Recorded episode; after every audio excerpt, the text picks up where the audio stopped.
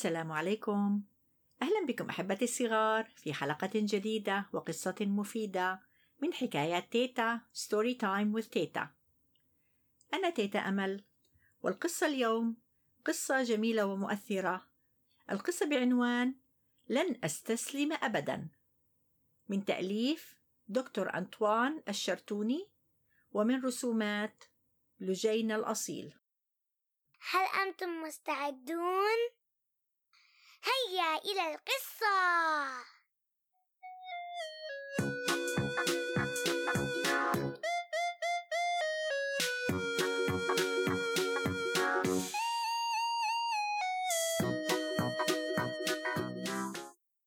أنا اسمي رشاد لكن الأصدقاء جميعهم يطلقون علي اسم القبطان.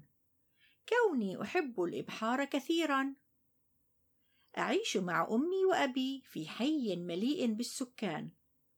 كما أذهب كل يوم إلى المدرسة. والمواد التي أحبها كثيرا هي الرياضة اللغة العربية والحساب. ذات يوم في خلال حصة الرياضة شعرت بأنني لست على ما يرام. ألم تشارك في مباراة كرة القدم؟ سألني صديقي. كلا. أجبته وانسحبت من حصة الرياضة بعد طلب الإذن إلى الأستاذ. عدت ذلك النهار إلى البيت واستلقيت على سريري. وشعرت بتعب كبير وبحرارة في جسمي كله. سألتني أمي إذا كنت بخير.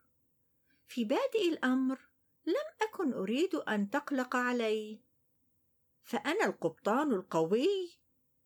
ولكن لاحقا أصبح وجهي شاحبا وشهيتي على الطعام صارت معدومة. شعرت بدوار ينتابني حتى كدت أقع ارضا لمرات عدة.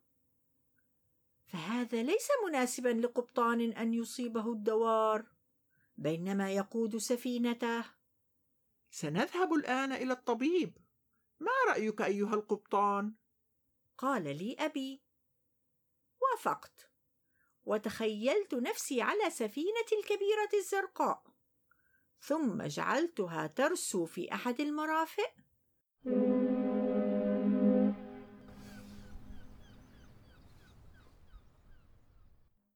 ونزلت منها وتوجهت إلى عيادة الطبيب التي لا تبعد كثيرا عن بيتنا. عندما وصلنا إلى الطبيب عمر وبعد إلقاء التحية عاينني الطبيب ثم قال لي يجب أن نجري بعض الفحوصات المخبرية لدمك أيها القبطان. فابتسمت له على الرغم من أنني لا أحب الحقن كثيرا. طبعا لا أحد يحبها حتى قبطان السفينة. ولكن الحقنة ضرورية للفحوصات في المختبر. قلت في نفسي في اليوم التالي لم أذهب إلى المدرسة بل زرت المستشفى وأجريت تحاليل مخبرية. وأتذكر ذلك النهار عندما دخلت إلى عيادة الطبيب عمر وكان برفقتي أمي وأبي.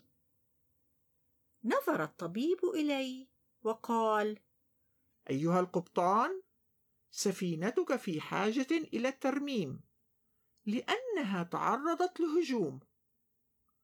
وأيضا أنت بعد تعرضك لهجوم من القراصنة أنت في حاجة إلى الراحة والدواء. دواء؟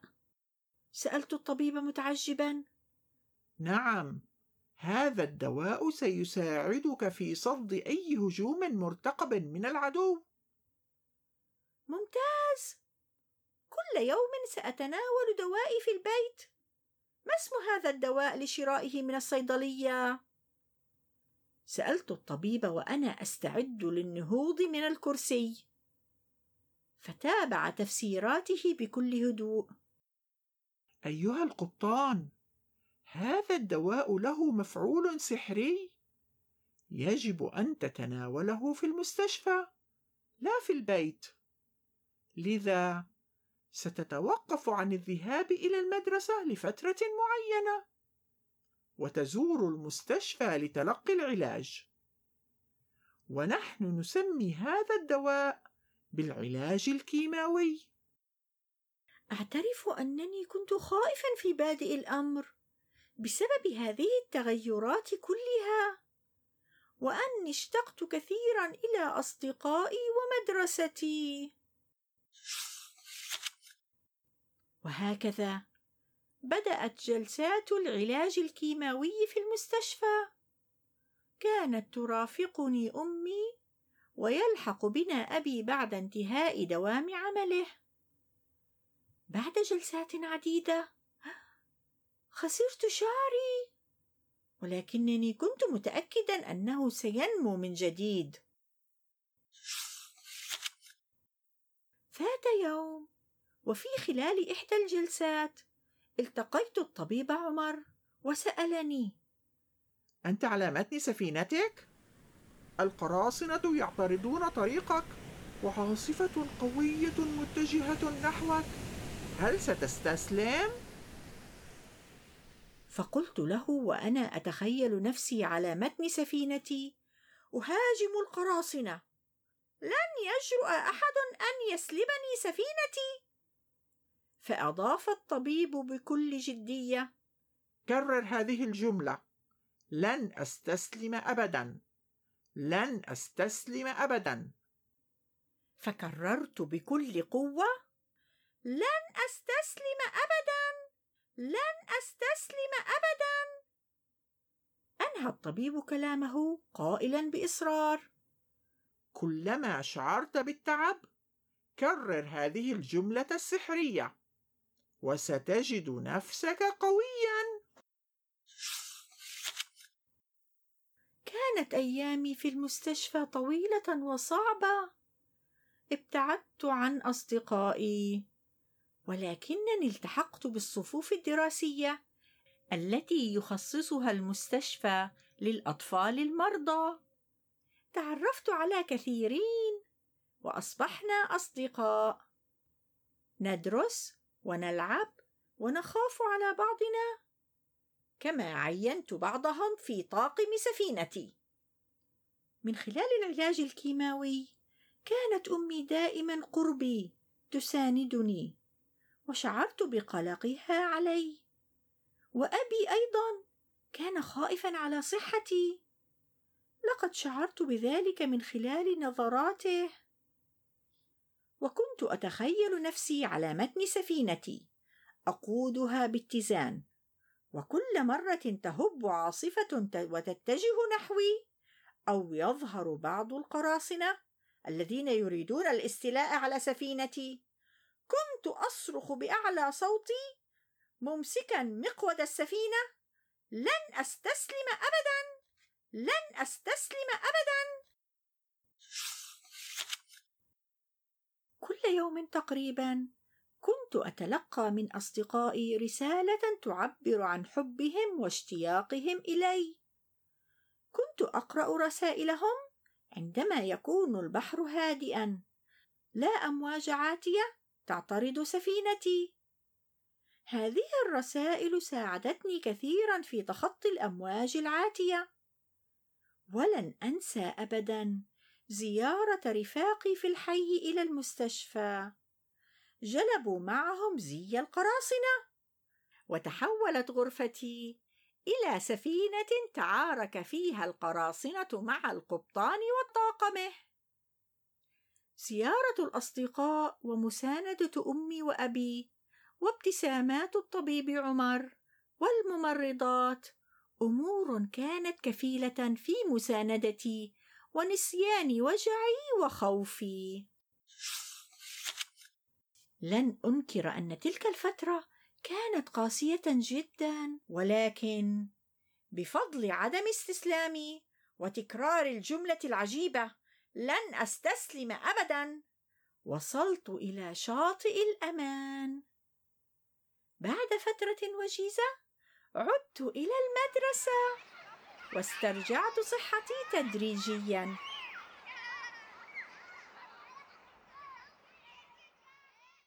لم أعد أشعر بالدوار كما تضاعفت شهيتي إلى الطعام وانخفضت حرارتي وأصبحت معتدلة.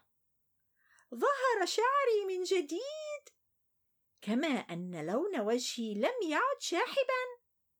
وعدت إلى ممارسة الرياضة واللعب كما كنت. وعربونا عن امتناني لأصدقائي. كتبت إليهم رسالة شكر وألصقتها على باب الصف وجاء فيها. إلى أصدقائي الأعزاء مررت بعاصفة هوجاء تخطيت الأمواج العالية والأمطار الغزيرة للوصول إلى شاطئ الأمان. لم أستسلم يوما في المستشفى وعندما كنت أشعر بالتعب واليأس والحزن كنت أفكر بمستقبلي وما هو العمل الذي سأختاره عندما أكبر؟ إن مساندة والدي لي ووجود أصدقائي الجدد قربي في المستشفى. وصورة وجه كل واحد منكم في ذهني. أمور كانت أملا لي كي لا أستسلم. وإذا واجه أحدكم أي مشكلة رددوا دائما في قلوبكم هذه الجملة السحرية. لن أستسلم أبدا. مع حبي كله القبطان رشاد. هذه هي قصتي مع مرض السرطان. وبفضل إصراري على الحياة وعدم الاستسلام تخطيت المصاعب كافة. وربما تتساءلون ما هي المهنة التي اخترتها؟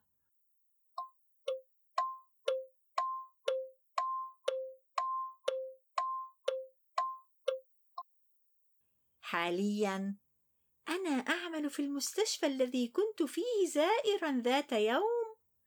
أعلم الأطفال الجملة التي تعلمتها من الطبيب عمر. لن أستسلم ابدا.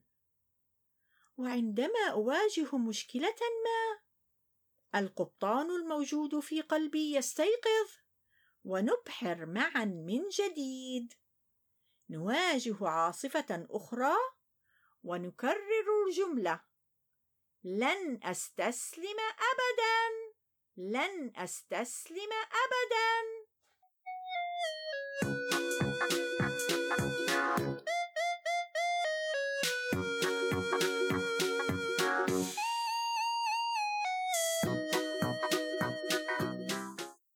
كانت هذه القصة من منشورات دار أصالة للنشر. أتمنى أن تكون قد أعجبتكم هذه القصة أحبتي الصغار. أنا أحب هذه القصة إنها قصة جميلة يا تيتا أمل أطلب من الله تعالى أن يحفظكم جميعا من الأمراض والظروف الصعبة. زوروا موقعنا storytimewithteta.com لتستمعوا إلى كثير من القصص والحكايات في الموسم الأول والثاني. وأيضا زوروا قناة اليوتيوب حكايات تيتا story time with تيتا لتشاهدوا الكثير من القصص الممتعة. وإذا أعجبتكم هذه القصص اعملوا لي like واشتركوا في القناة. وإلى أن نلتقي أحبتي الصغار في حلقة جديدة وقصة مفيدة. تيتا أمل تقول لكم في رعاية الله.